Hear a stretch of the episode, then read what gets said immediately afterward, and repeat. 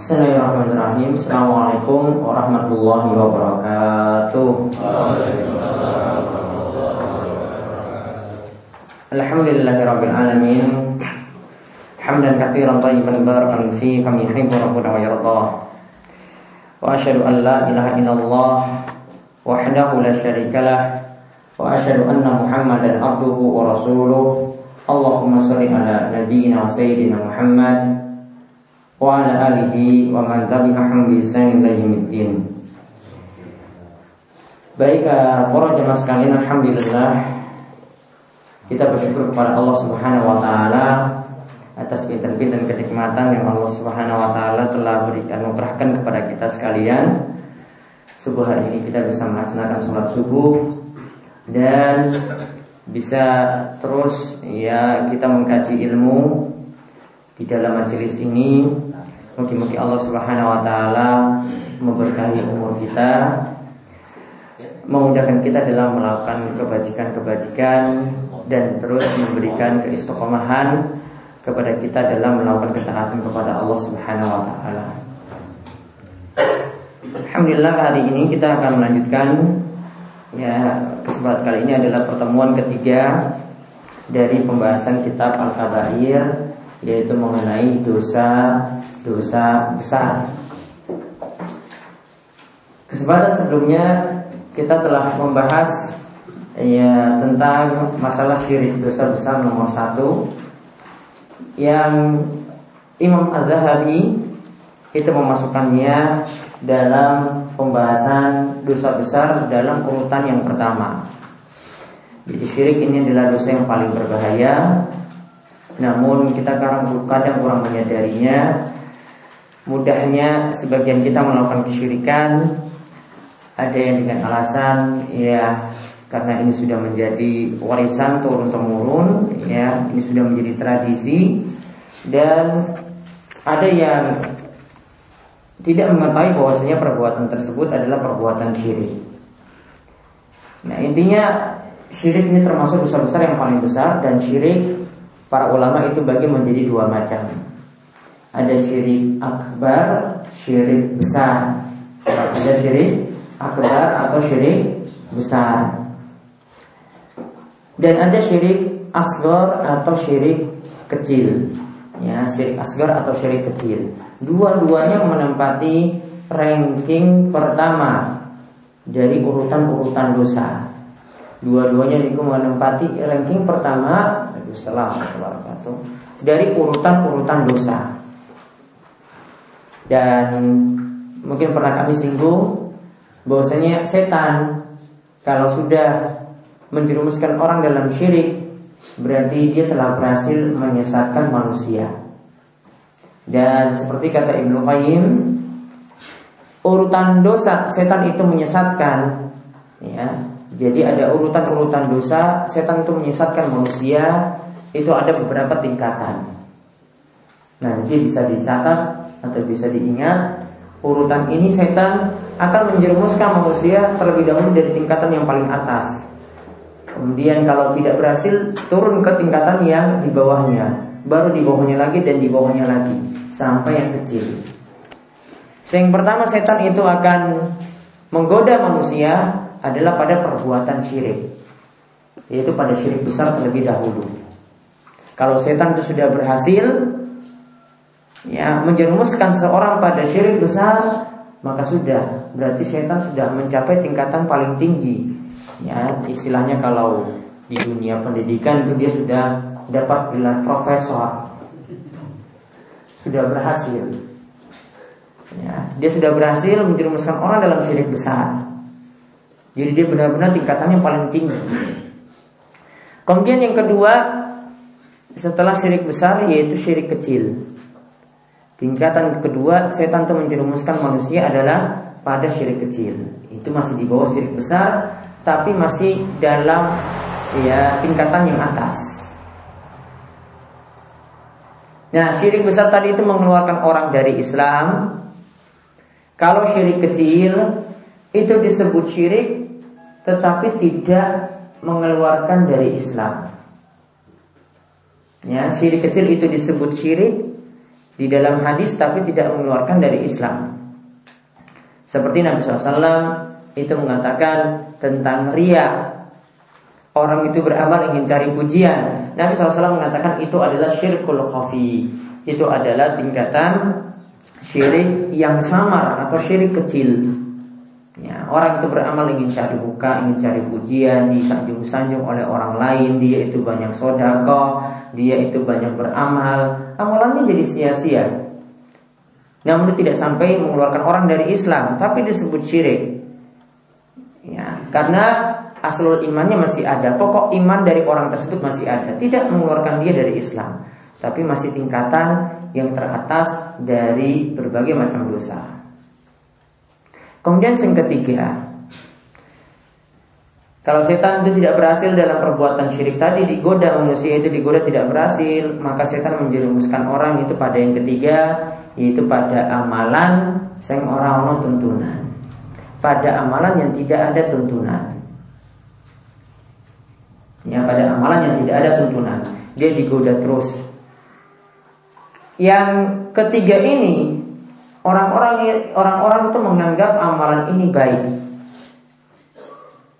Ya, orang-orang itu menganggap amalan ini baik.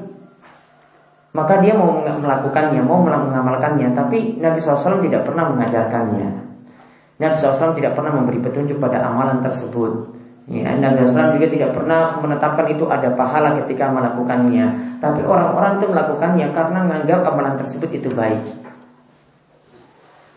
Nah ini juga tingkatan yang ketiga Setan akan menjerumuskan orang pada amalan tersebut Maka hati-hati Ya, karena ini akan dianggap itu baik. Tapi sebenarnya tidak baik menurut Allah Subhanahu wa taala. Maka standar kita atau patokan kita ketika kita itu beribadah adalah memakai tuntunan saking Nabi Shallallahu alaihi wasallam. Ya, maka jangan tertipu dengan amalan-amalan yang mungkin ada yang anggap itu banyak yang itu tidak pernah dianjurkan oleh Nabi Shallallahu Alaihi Wasallam. Kemudian baru yang keempat, setan akan menggoda pada dosa besar. Nah, jadi lihat dosa besar itu masih di bawah kesyirikan dan masih di bawah amalan yang tidak ada tuntunan. Setan akan menggoda pada hal ini. Jika yang pertama tidak berhasil, datang kepada yang kedua. Yang kedua tidak berhasil datang kepada yang ketiga. Tidak berhasil maka diajak untuk melakukan dosa besar. Ada dosa pembunuhan yang diajarkan. Ya, dan pembunuhan ini adalah warisan dari anak Adam terdahulu. Siapa saja yang melakukan pembunuhan, pembunuhan, ya maka anak Adam yang pertama dahulu yang melakukan pembunuhan itu dapat dosa warisan terus. Ngalir terus ngalir terus dosanya kepada dia karena dia contohkan pembunuhan yang pertama kali di muka bumi. Nah ini berlaku untuk setiap yang melakukan kejelekan seperti itu. Ya, nanti akan kita bahas tentang pembunuhan. Ya, setiap yang melakukan kejelekan diikuti oleh orang lain, ya, maka dia akan dapat dosa warisan. Seorang bapak misalnya, ya, dia memberikan contoh pada anaknya dengan perbuatan-perbuatan dosa yang jelek maka orang tuanya ini akan dapat warisan terus dosa tersebut akan dapat terus dosanya karena dia yang pertama kali mencontohkan. Misalnya ada artis-artis biasa kan kan memakai baju yang seksi-seksi. Artinya sing itu-itu iki niru, wah niku ape, sing remaja-remaja itu tiru, wah itu ape. Dia dapat dosa warisan. Nih, ini gara-gara dari contohmu. Kalau kamu tidak contohkan orang lain tidak seperti itu. Dia pakai model-model baru, pakaian-pakaian yang membuka aurat. Kalau dicontoh maka dia dapat dosa warisan. Nah ini dosa besar tadi Dosa besar ini bisa jadi Yang lainnya juga dia dapat terus dosanya tadi Kemudian yang kelima Setelah dosa besar akan dijerumuskan pada dosa kecil Setan akan terus menjerumuskan manusia pada dosa kecil Coba kalau tidak berhasil pada syirik, pada amalan yang tidak ada tuntunan, dosa besar juga tidak berhasil, dosa kecil yang digoda. Kamu harus melakukan dosa ini. Kemudian yang keenam, kalau tidak berhasil dari dosa kecil, maka setan akan menjerumuskan pada hal-hal yang tidak manfaat. Ya, setan itu akan menggoda pada hal-hal yang tidak manfaat. Jika yang di atas tadi tidak berhasil, maka waktunya dibuat sia-sia.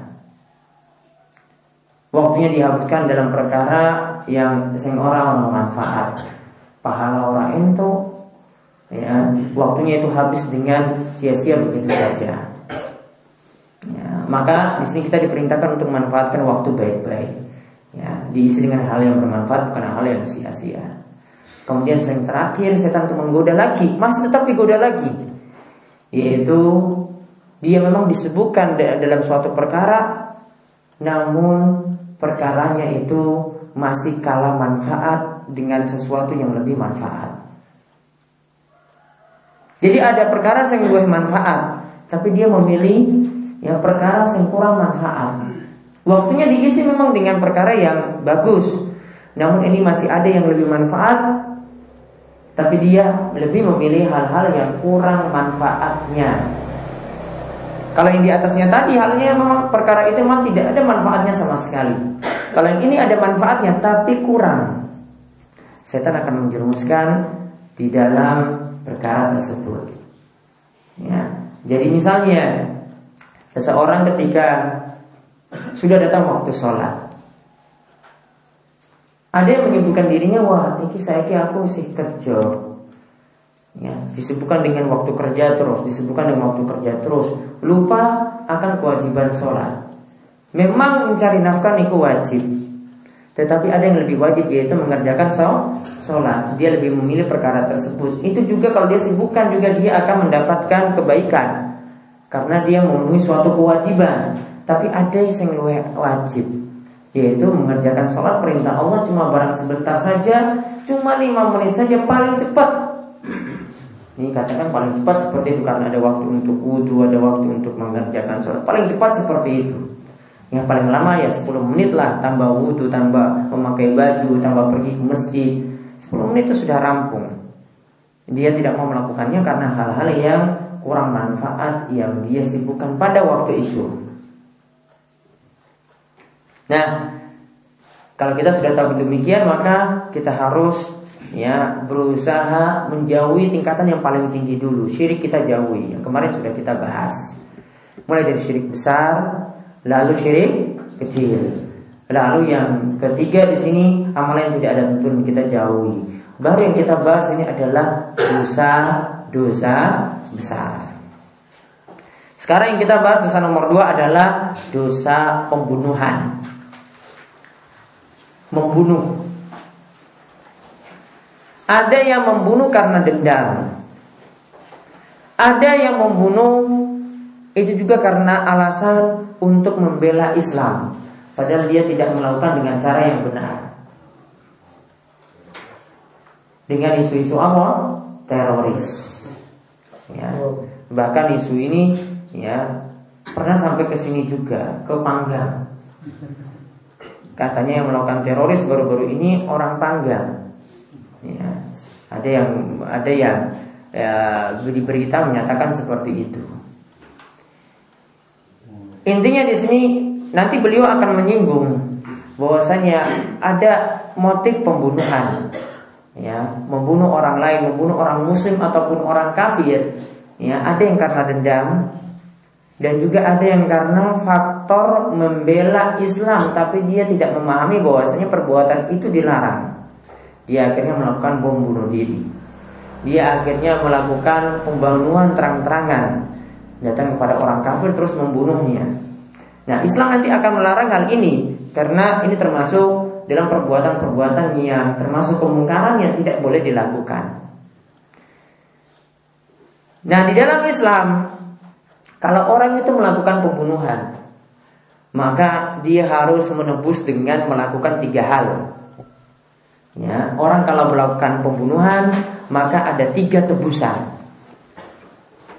Ini kalau diterapkan hukum Islam ini baru nyata-nyata bisa dilakukan.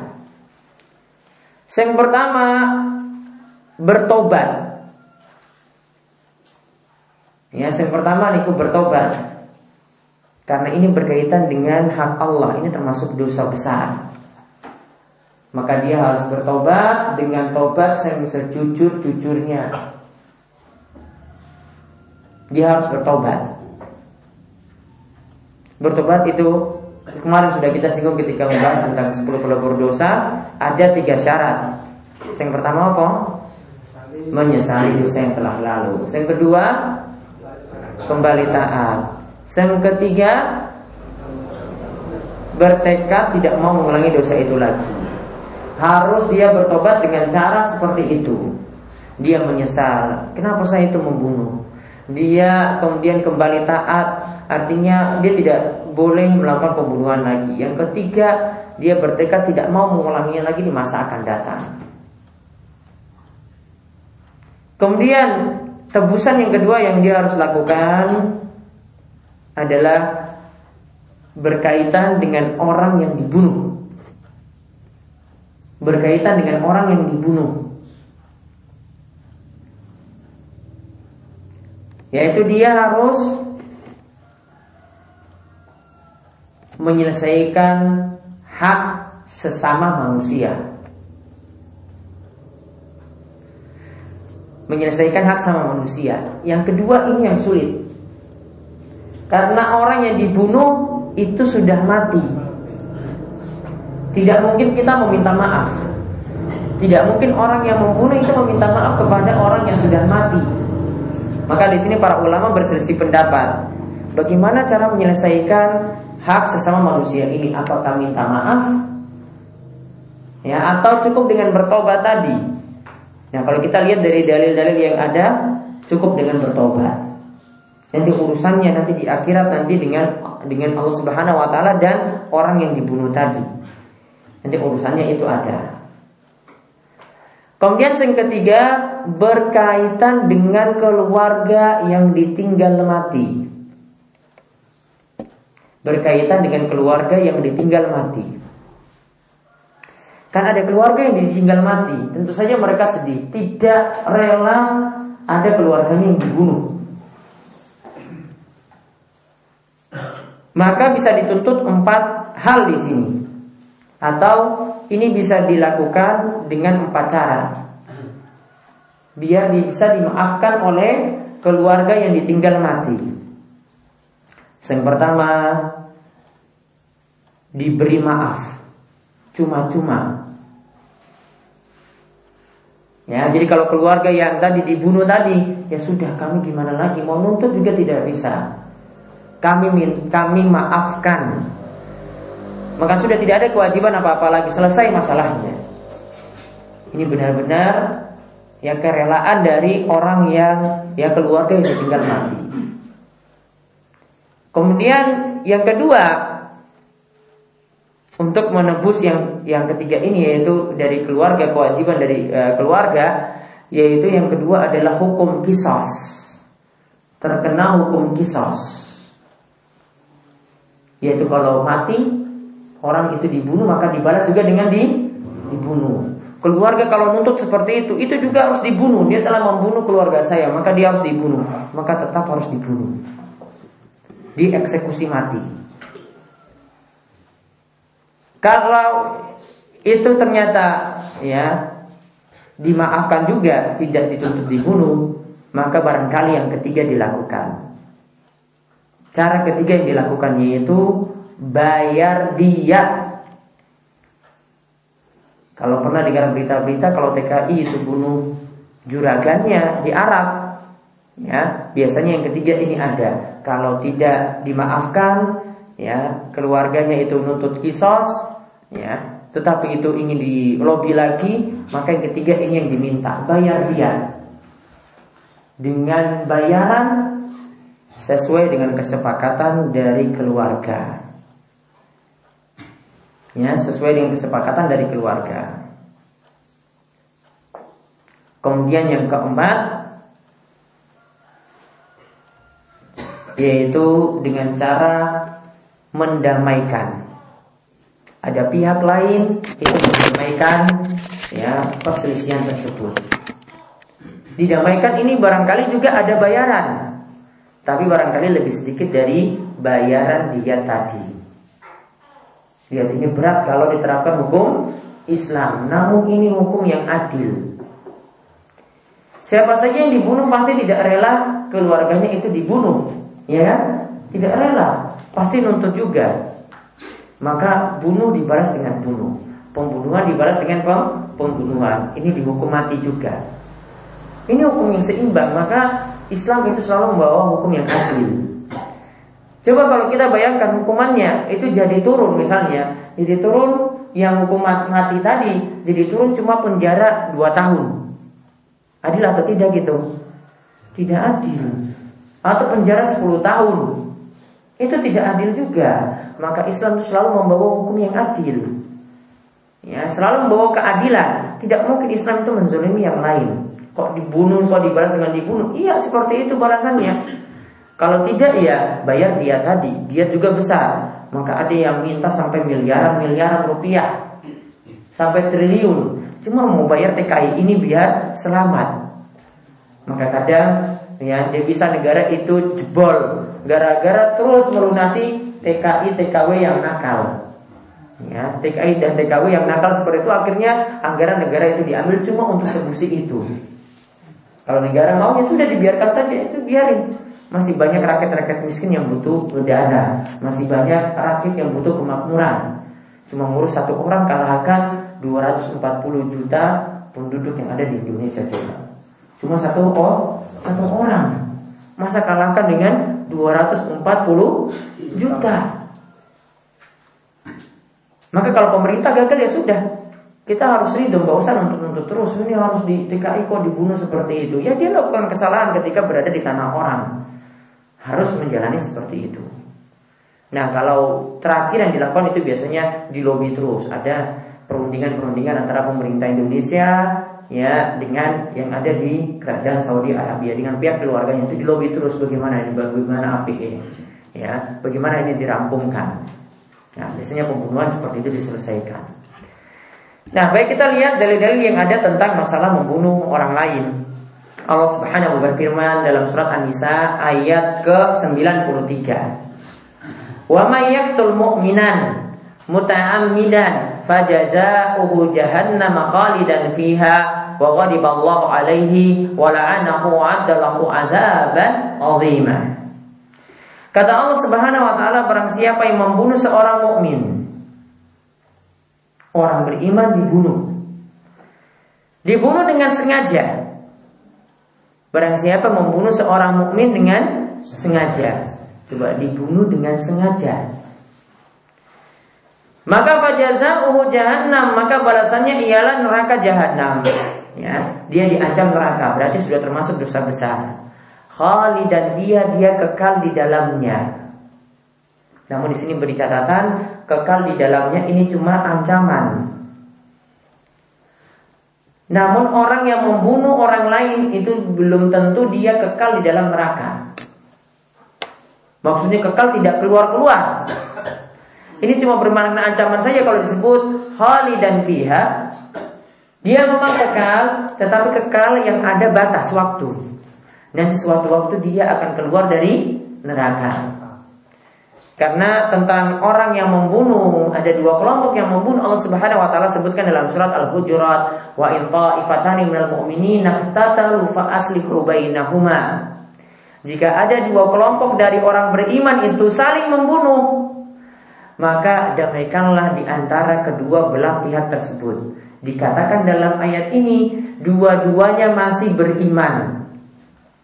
Wa in ta'ifatani minal mu'minin jika ada dua kelompok orang beriman. Berarti apa? Orang yang membunuh itu masih mu mukmin. Orang yang membunuh itu masih ber beriman, masih muslim. Maka kalau dikatakan masih muslim, dosa membunuh itu tidak bisa kita sebut dosanya sama seperti dosa syirik. Kalau dosa syirik itu bisa membuat orangnya kekal di dalam neraka. Namun kalau dosa membunuh belum tentu. Kalau dia masih memiliki iman, dia bisa keluar dari neraka. Dan ini jadi dalil juga bahwasanya orang yang melakukan dosa besar belum tentu kekal dalam neraka selama dosa yang dilakukan itu bukan dosa syirik.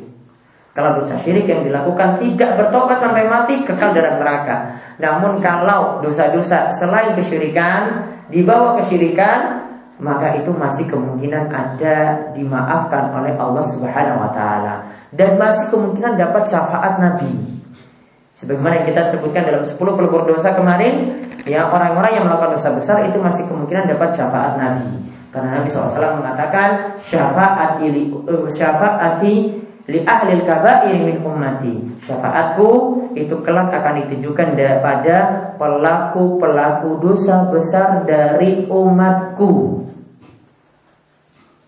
Jadi intinya di sini orang yang membunuh belum tentu kekal selamanya di dalam neraka. Ada kemungkinan dia itu cuma sementara saja dan dia akan keluar dari neraka tersebut setelah menuai siksa, setelah setelah mendapatkan siksa. Kemudian dikatakan ya, wa alaihi dan dia akan mendapatkan murka. Wala anahu dan dia akan mendapatkan laknat wa'addalahu adzaban azima dan akan mendapatkan siksa yang pedih. Ini orang yang membunuh sampai seperti itu. Kemudian dalam surat Al-Furqan ayat 68 sampai 70 Disebutkan juga tentang ancaman bagi orang yang membunuh walladzina la yad'una ma'allahi ilahan akhar wa la yaqtuluna an-nafsa allati haramallahu illa bil haqq wala yasnun wa man yaf'al dzalika yalqa asama yudha'af lahu al'adzabu yaumal qiyamati wa yaqlut fihi muhana illa man taba Kata Allah Subhanahu wa taala dan orang-orang yang berbuat syirik. Di sini disebutkan tiga dosa para jemaah. Orang-orang yang berbuat syirik menyembah Tuhan yang lain berserta Allah. Ya, dan orang-orang yang berbuat syirik lantas dia itu tidak melakukannya. Artinya ini orang ini tidak berbuat syirik. Ya, orang-orang yang tidak berbuat syirik. Wala yaqtuluna dan orang yang tidak membunuh suatu jiwa kecuali dengan cara yang halal. Dia nuntut hukuman kisos tadi, ya ini cara yang halal, maka boleh dilakukan. Namun kalau tidak dengan cara yang halal tidak boleh. Dan orang yang tidak berzina, jadi orang yang selamat dari tiga dosa, yaitu syirik, kemudian selamat dari dosa membunuh, kemudian selamat dari dosa zina. Tiga dosa ini selamat, ya maka dikatakan kalau ada yang melakukannya maka yang asama dia akan dicap atau dia akan dibalas melakukan dosa-dosa tersebut. Dia akan dibalas di akhirat. Kemudian kalau melakukannya yudha'af lahul adab akan digandakan siksa. Dosanya niku double pada hari kiamat. Fihi muhana dan dia akan kekal dalam keadaan hina di dalam neraka. Ila mantaba kecuali kalau orangnya itu mau bertobat. Berarti orang yang bertobat dari tiga dosa tadi berarti akan selamat. Namun kalau dia tidak bertobat, dia akan mendapatkan siksa yang pedih di dalam neraka dan termasuk dosa pembunuhan di sini. Nah kemudian dalam ayat yang lainnya lagi disebutkan yaitu dalam surat Al-Maidah ayat 32. Man qatala nafsan bighairi nafsin aw fasadin fil ard faka'anna ma qatala nasa jami'ah. Sepawai membunuh suatu jiwa tanpa jalan yang benar. Aw fasadin fil ard atau dia melakukan kerusakan di muka bumi atau karena membuat kerusakan di muka bumi Fakaan nama qatala nasa maka dia seakan-akan telah membunuh manusia seluruhnya. Maka orang yang membunuh satu orang dia seakan-akan telah membunuh manusia seluruhnya yang ada di muka bumi. Karena apa? Kalau orang beriman, ya syuddu ba'duhu ba'dha. Mereka itu kokoh seperti satu badan. Saling mengokohkan satu yang lainnya. Jadi kalau satu badan itu diambil, ya ibaratnya kan jadi satu badan satu badan itu diambil maka seakan-akan semuanya itu sudah mati. Satu bagian dari tubuhnya itu sudah diambil maka seakan-akan sudah ma sudah mati. Nah ini akibat membunuh seperti itu. Bunuh satu orang dosanya seperti seakan-akan membunuh ya seluruh manusia yang ada di muka bumi. Nah kemudian disebutkan lagi tentang dosa membunuh anak perempuan. Dahulu di masa jahiliyah kalau anak perempuan itu lahir tidak disukai. Ya, orang kalau ada yang melahirkan anak perempuan, anak perempuannya itu dibunuh. Kenapa? Orang dahulu itu lebih senang dengan keturunan laki-laki karena akan membawa nasab, membawa keturunan. Kalau istilahnya, kalau di tempat kita di Indonesia itu masih membawa marga. Tahu marga nggih? Ya, misalnya kalau punya keturunan, kalau perempuan marganya itu tidak dibawa. Ya, misalnya kalau saya ini kan ada marga tua sikal. Kalau punya anak perempuan, perempuan kan nikah nanti sama laki-laki lain, marganya ini tidak dibawa pada keturunan berikutnya. Namun kalau anaknya itu laki-laki, keturunan berikutnya masih ada terus, masih ada terus, masih ada terus. Ya, kalau ini keturunan bangsawan, ini tetap ada terus nih keturunan. Wah, ini terkenal ini. Masih ada keturunan seperti itu. Bawa nama ya buyutnya dahulu. Jadi ini suatu kebanggaan bahwa nama terahnya. Kalau di sini kan tidak ada, jadi tidak kelihatan. Ini anaknya siapa tidak kelihatan. Namun kalau pakai marga itu jelas. Dia keturunannya ini tahu. Wah, ini pokoknya yang namanya seperti ini, belakangnya seperti ini. Nah, itu berarti keturunannya ini. Ya, dan di suatu tempat ini jadi keturunan yang dianggap terhormat. Yang selain dari marga itu, ya, selain terah itu, ini tidak dianggap terhormat. Maka barangkali dalam nikah itu milik keluarga yang api-api dari keluarga yang ini, tidak dari keluarga yang lainnya. Ya. Bahkan keluarga ini, ya kalau marga ini, itu kadang ada yang punya keyakinan tidak boleh menikah sesama terahnya, walaupun itu sebenarnya boleh secara hukum Islam itu boleh. Misalnya kalau dari kampung saya itu misalnya tuasikal, sama-sama tuasikal itu tidak boleh dinikahi, walaupun keluarga itu simbahnya itu jauh. Yang satu di Sumatera misalnya, yang satu di Papua misalnya, walaupun jauh, sama-sama belakangnya tuasikal tidak boleh. Ya, itu saking menganggap ini suatu marga yang terhormat seperti itu. Nah dahulu di masa Nabi SAW di masa jahiliyah ini kalau anaknya itu perempuan itu nggak mau. Aib. Maka sampai ada anak perempuan itu dibunuh. Dan Umar bin Khattab pernah melakukan seperti itu. Nah maka dikatakan dalam ayat dalam surat At-Takwir wa idal mau'udatu su'ilat. Ketika bayi-bayi perempuan itu ditanya Bi bin kutilat atas dasar apa? Sampai anak perempuan itu dibunuh? Ditanyakan kepada yang membunuh anak perempuan, ini alasan apa kok sampai anak-anak perempuan kok bisa dibunuh? Dituntut pada hari kiamat nanti. Mereka tidak rela punya anak perempuan, anak perempuannya itu akhirnya apa? Dibunuh. Coba lihat. Ya, ini saking tidak senangnya dengan anak perempuan. Alhamdulillah Ya, kalau di zaman ini ini mahal yang biasa. Mau dapat anak sing lanang, yo ya itu, anak sing itu, ya senang. Bahkan ada anaknya sampai delapan pun itu laki-laki semuanya. Ada yang anak delapan pun itu sampai perempuan semuanya. Kalau di zaman ini tidak terlalu besar masalahnya. Namun ini biasanya masalah bagi orang yang punya marga. Ya, bagi orang yang punya marga. Tidak ada anak laki-laki Wah ini kan berarti hilang keturunannya itu hilang. Ya, berarti ini keturunannya itu hilang. Maka dia selalu nuntut lagi, nuntut lagi, cari yang ya mungkin dia kemudian ceraikan istrinya yang dahulu, kemudian cari lagi anak, ya cari lagi perempuan yang lainnya supaya bisa mendapatkan keturunan laki-laki. Ya, ada yang seperti itu. Dia itu cerai, istrinya itu dipegat, cuma gara-gara tidak mendapatkan keturunan laki-laki.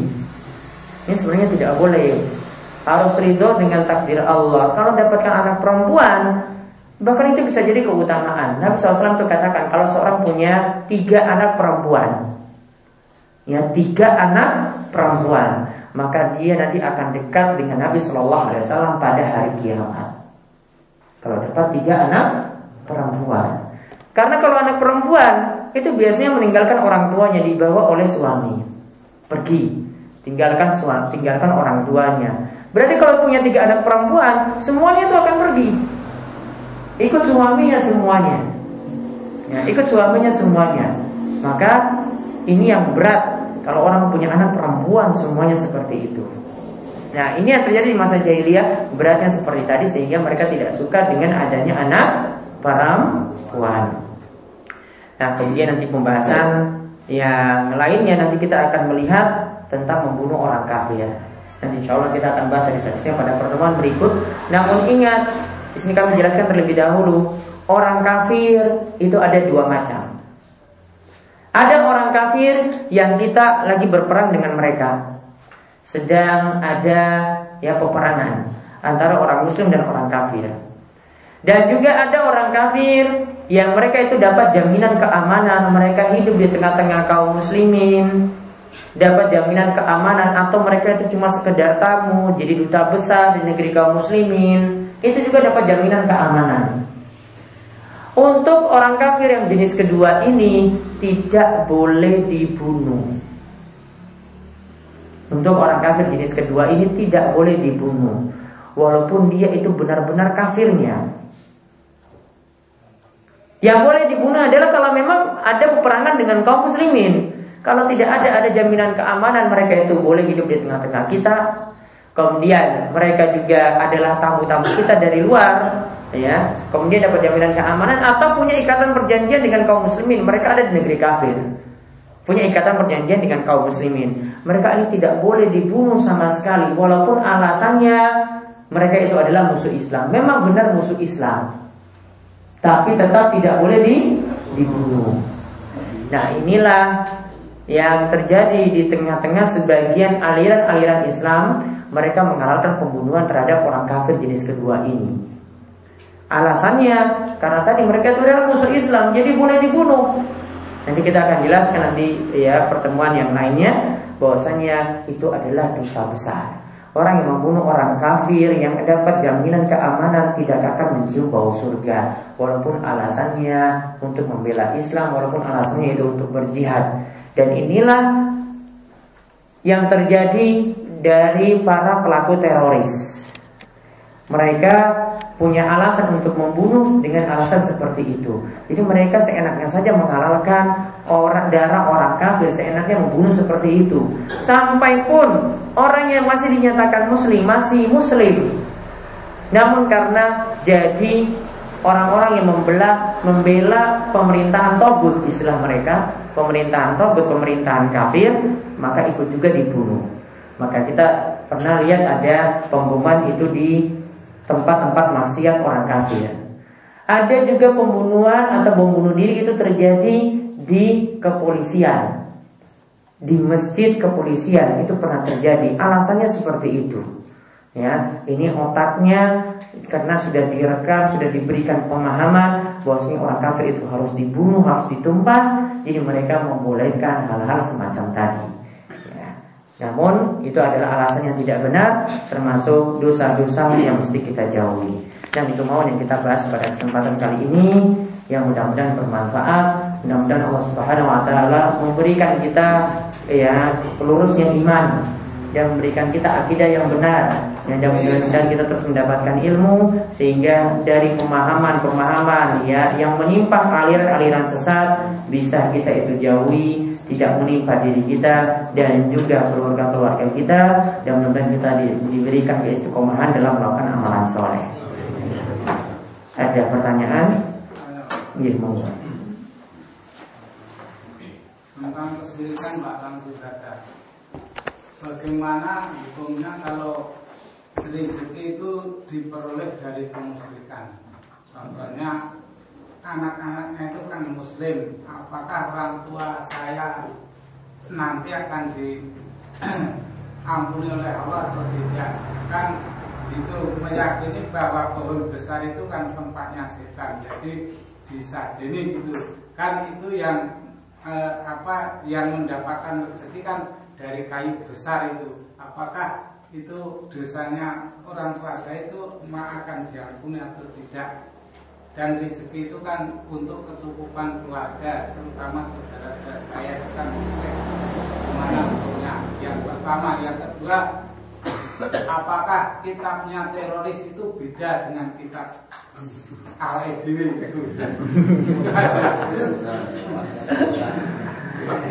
Ya, masalah teroris tadi bisa jadi bukunya sama.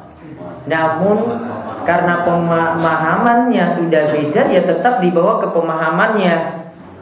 Ya, walaupun sama seperti ngaji Al-Qur'an juga. Sama-sama ngaji hadis. Sama-sama mungkin bahas ini, namun mereka biasanya salah pemahaman. Tidak sesuai dengan pemahaman yang para ulama itu berikan, tidak sesuai dengan pemahaman yang Nabi SAW itu tuntunkan, tidak sesuai dengan pemahaman yang para sahabat juga punya pemahaman seperti itu. Ya, mereka keliru dalam masalah pemahaman. Dari guru-gurunya dulu, simbah-simbahnya dulu, guru-gurunya dan dapat pemahaman seperti terus seperti itu terus akhirnya turun temurun seperti tadi ya di antara tanda-tanda mereka misalnya mudah mengkafirkan pemerintah pemerintahnya Pak SBY misalnya itu pemerintah yang kafir. Darahnya itu halal. Boleh diperangi boleh dilakukan bom bunuh diri terhadap mereka. Nah pemahamannya seperti itu. Nganggap pemerintah kafir ada bom bunuh diri. Atau tadi untuk orang kafir orang kafir boleh ditumpas boleh dibunuh ya. Boleh dipateni, ketemu di jalan boleh langsung di dipateni seperti itu. Punya pemahaman-pemahaman semacam tadi.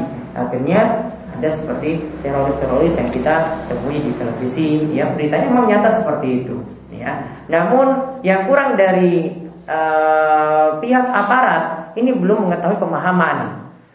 Ya, belum mengetahui pemahaman sehingga mereka kadang memukul rata saja. Pokoknya yang penampilannya koyong ini ya itu teroris. Ya, orang sing rajin sholat ya teroris, wong sing rajin ngaji ya teroris, ya. Padahal itu tidak tepat. Tapi sebagian sudah memahami seperti itu, ya. Ada aparat-aparat juga sudah memahami bahwasanya pemahaman ini berbeda dengan pemahaman orang-orang yang melakukan uh, tindakan terorisme dan seterusnya. Kemudian tentang masalah orang yang melakukan sejenak, melakukan perbuatan syirik-syirik besar semacam itu, apakah dosanya diampuni atau tidak? Terus masalah rezekinya itu bagaimana? Ya halal atau tidak? Tentang masalah orang yang berbuat syirik ya kita tentang kita harus sikapi dua hal yang berbeda ada kita sikapi hukum lahiriah hukum lahiriah kita sikapi apa adanya kalau dia ngaku muslim ya wes urusannya dia itu adalah muslim namun kalau dia yang jelas-jelas sudah tahu tentang hukumnya tapi dia melakukannya, maka kita bisa hukumi juga dia itu kafir. Namun kalau dia ngaku muslim ya sudah kita hukumi secara lahiriah seperti itu. Nanti urusan batinnya dengan Allah, urusan hatinya itu dengan Allah, itu biar nanti urusannya. Apakah dia itu sudah musyrik, tidak bertobat, nanti urusan dia dengan Allah. Kita tidak usah usik-usik yang apa yang ada di dalam hati, capek. Karena kita tidak bisa membuka hatinya, membela hatinya, kemudian lihat di dalam wah ini orangnya sudah bertobat atau belum. Tidak bisa kita lihat. Jadi kita hukumnya seorang itu dilihat dari lahirianya. Yang hukum kedua dilihat dari batinnya. Kita pokoknya serahkan kepada Allah. Gampangannya seperti itu. Ada lagi yang lainnya? Pak Isan? Pak, dikatakan tadi bahwa syirik itu ada dua apa ya? Syirik kafir dan beberapa? Syirik besar, syirik kecil. Kalau syirik kafir jelas-jelas adalah kafir. Dan yang kedua adalah yang kecil adalah masuk Islam. Ya.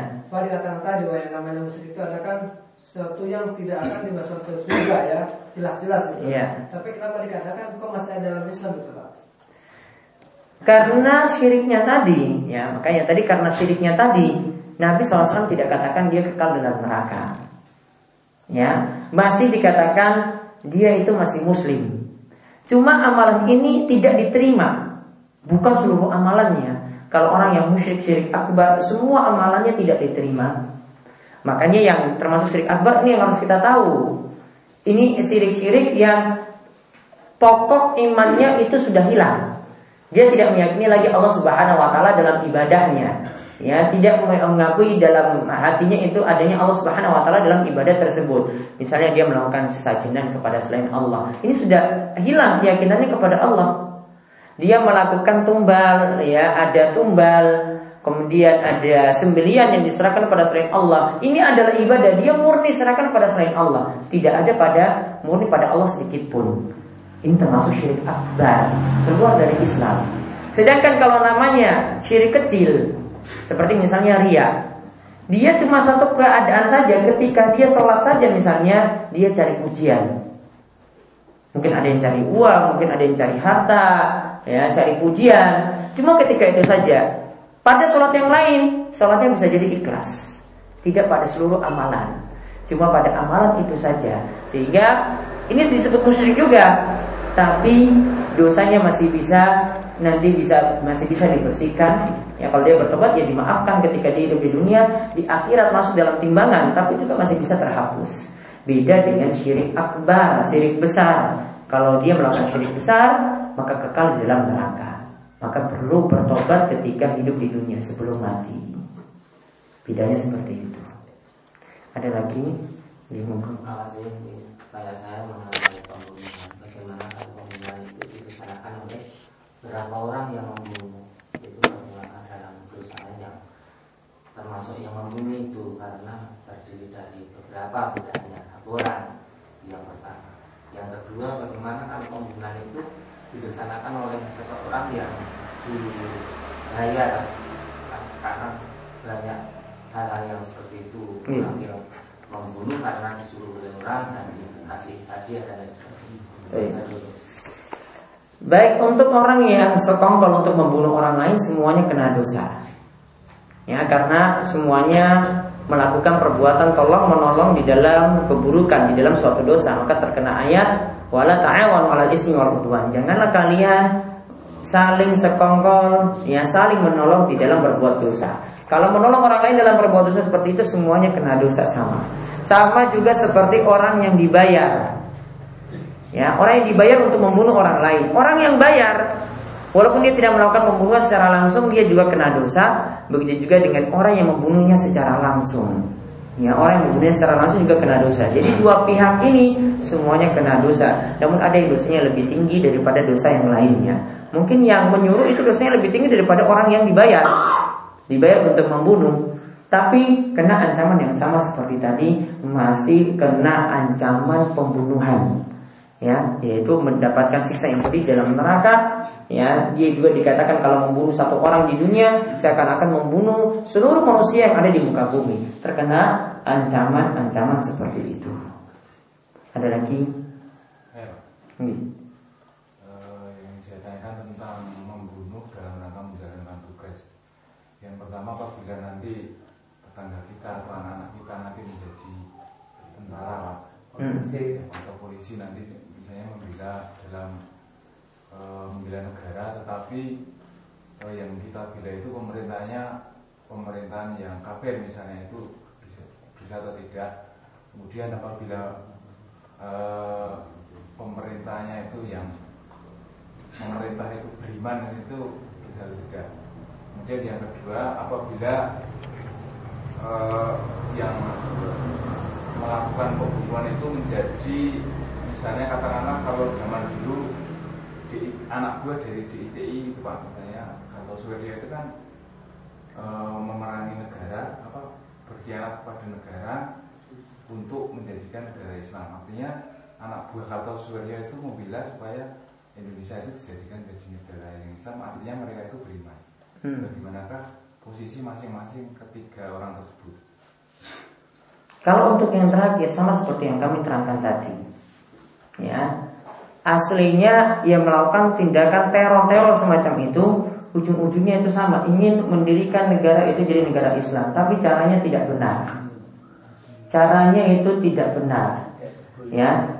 Warisan pemikiran dari tadi dari DITI tadi itu diwariskan kepada orang-orang tadi yang melakukan tindakan-tindakan teroris seperti itu karena ujung-ujungnya mereka ingin supaya negara ini jadi negara Islam. Namun cara seperti ini tidaklah tepat. Ya, ini cara orang yang tidak sabar. Orang mau mendirikan suatu bangunan, ya, tidak mungkin kita langsung dari atap atap atapnya langsung kita buat tanpa ada tiang, tanpa ada pondasi, tidak mungkin. Nah orang yang ingin buru-buru supaya atapnya itu berdiri, ya itu tadi seperti itu. Ya, langsung atapnya itu ada, tiangnya itu belakangan dulu. Nanti tiangnya kita naikkan nanti kalau sudah ini negara sudah berdiri. Bisa kita bangun bangunan seperti itu? Tidak bisa. Jadi awalnya pemikirannya seperti itu. Ya, ini warisan-warisan turun kepada orang-orang yang biasa melakukan teror itu ah, warisannya dari dulu seperti tadi. Jadi cara yang dilakukan oleh DITI dan pimpinannya itu cara yang tidak benar. Dalam hukum Islam itu cara yang tidak benar. Jadi kalau kita mau ingin mendirikan negara Islam harus pelan-pelan. Bangun dari pondasi, bangun dari dasar dulu, akidah umat itu dibetulkan. Baru tiang-tiangnya itu nanti dibangun. Baru setelah itu nanti orang-orang akan mendirikan bangunan Islam itu sendiri secara utuh, atapnya akan dibuat. Jadi pelan-pelan seperti itu tidak boleh terburu-buru. Sama seperti seseorang misalnya sudah di atas ya, sudah di atas sudah taruhlah dia sudah punya kuasa. Kalau akidah umatnya tidak bagus, mereka tidak paham tentang hukum-hukum Islam, tidak mungkin jalani syariat Islam itu sendiri. Misalnya orang-orang ibu-ibu itu belum paham bahwa jilbab itu wajib. Sekarang sudah berdiri negara Islam. Kalau mau dipaksa sulit. Ya, orang itu tidak mungkin akan menjalankan. Namun coba kalau pelan-pelan ya didakwahi masyarakat yang ada mulai dari yang kecil-kecil seperti ini ya. Didakwahi dulu pelan-pelan didakwahi pelan-pelan. Paham? Maka sendiri kan? Setelah itu paham bagaimana menjalankan syariat Islam. Tiangnya berdiri. Nanti lama-lama atapnya mereka akan dirikan sendiri. Jadi itulah cara yang benar ketika seorang itu ingin mendapatkan negara Islam. Maka para ulama itu selalu mengatakan bangunlah negara Islam itu mulai dari diri kalian sendiri. Ya jangan terburu-buru membangun atapnya terlebih dahulu, namun masing-masing itu dibangun pemahaman Islam pada dirinya masing-masing, baru nanti pada keluarganya, baru nanti pada masyarakat yang lebih luas. Nah, kemudian untuk yang pertama dan kedua tadi, kalau seseorang tadi yang pertama membunuh, ah, menjadi petugas. Kalau itu menjalankan perintah dari negara maka itu boleh. Ya, namun kalau untuk pemerintahan yang kafir ya di sini pembahasan para ulama itu apakah boleh kita boleh memberontak dari pemimpin yang kafir tersebut ataukah tidak? Ini dilihat dari maslahat. Ada kebaikan ataukah tidak? Kalau kita memberontak malah semakin ditindas maka tidak boleh. Namun kalau ketika itu ada maslahat boleh memberontak tatkala itu dari pemerintah yang kafir ya maka itu dibolehkan. Namun kalau pemerintahnya itu muslim ya kan? Kita bahas dulu yang muslim dulu yang ada di negeri kita ya kalau pemerintahnya muslim menugaskan seperti itu untuk perang, maka itu termasuk suatu kebaikan. Ya, maka itu termasuk suatu kebaikan. Namun niatan yang perlu diluruskan, niatannya bukan hanya sekedar bela negara, namun yang dia perjuangkan juga adalah memperjuangkan Islam. Ya, yang dia perjuangkan juga adalah memperjuangkan Islam. Jadi ini yang harus diingat ketika seorang itu membela negara, jadi tentara ataupun yang lainnya yang kemudian yang kita bahas pada kesempatan kali ini Insya Allah kajian kita tetap ada untuk malam Kamis nih Walaupun nanti ada acara Kebetulan malam Kamis nanti ada acara di MTS Acara Isra Mi'raj kalau tidak salah ya. Tapi saya putuskan tetap ada di sini Tetap ada kajian Tetap ada pengawasan pada malam Kamis Seperti biasa untuk bapak-bapak kali ibu-ibu. Nanti setelah itu baru ya mau beralih ke sana ya monggo silakan. Tetap ada seperti biasa. Nanti kita mulai mungkin lebih awal ya setengah walu karena isya kan lebih cepat. Setengah walu nanti sudah mulai ya, ya nanti 8 seperempat ya itu nanti sudah rampung berarti bisa ke sana ya karena mengingat nanti bulan Juni nanti saya banyak keluar jadi banyak nanti yang jadwal pada minggu pagi itu nanti kosong tapi nanti ketika Ramadan jadwal tetap seperti biasa mungkin nanti saya perbanyak tetap ada di sini. Saya memang ada di sini tapi nanti jadwalnya nanti bisa diperbanyak ketika bulan Ramadan. Nah, ini kemauan yang kita bahas mungkin-mungkin bermanfaat. Yang mudah-mudahan kita terus diberi istiqomahan dan Allah mau berkahi umur-umur kita. Kemudian Wabillahi taufiq wal hidayah. Kita tutup kalian doa kafaratul majelis monggo. Subhanallahumma wa bihamdika asyhadu an la ilaha illa anta astaghfiruka wa atubu ilaik. Assalamualaikum warahmatullahi wabarakatuh. Waalaikumsalam.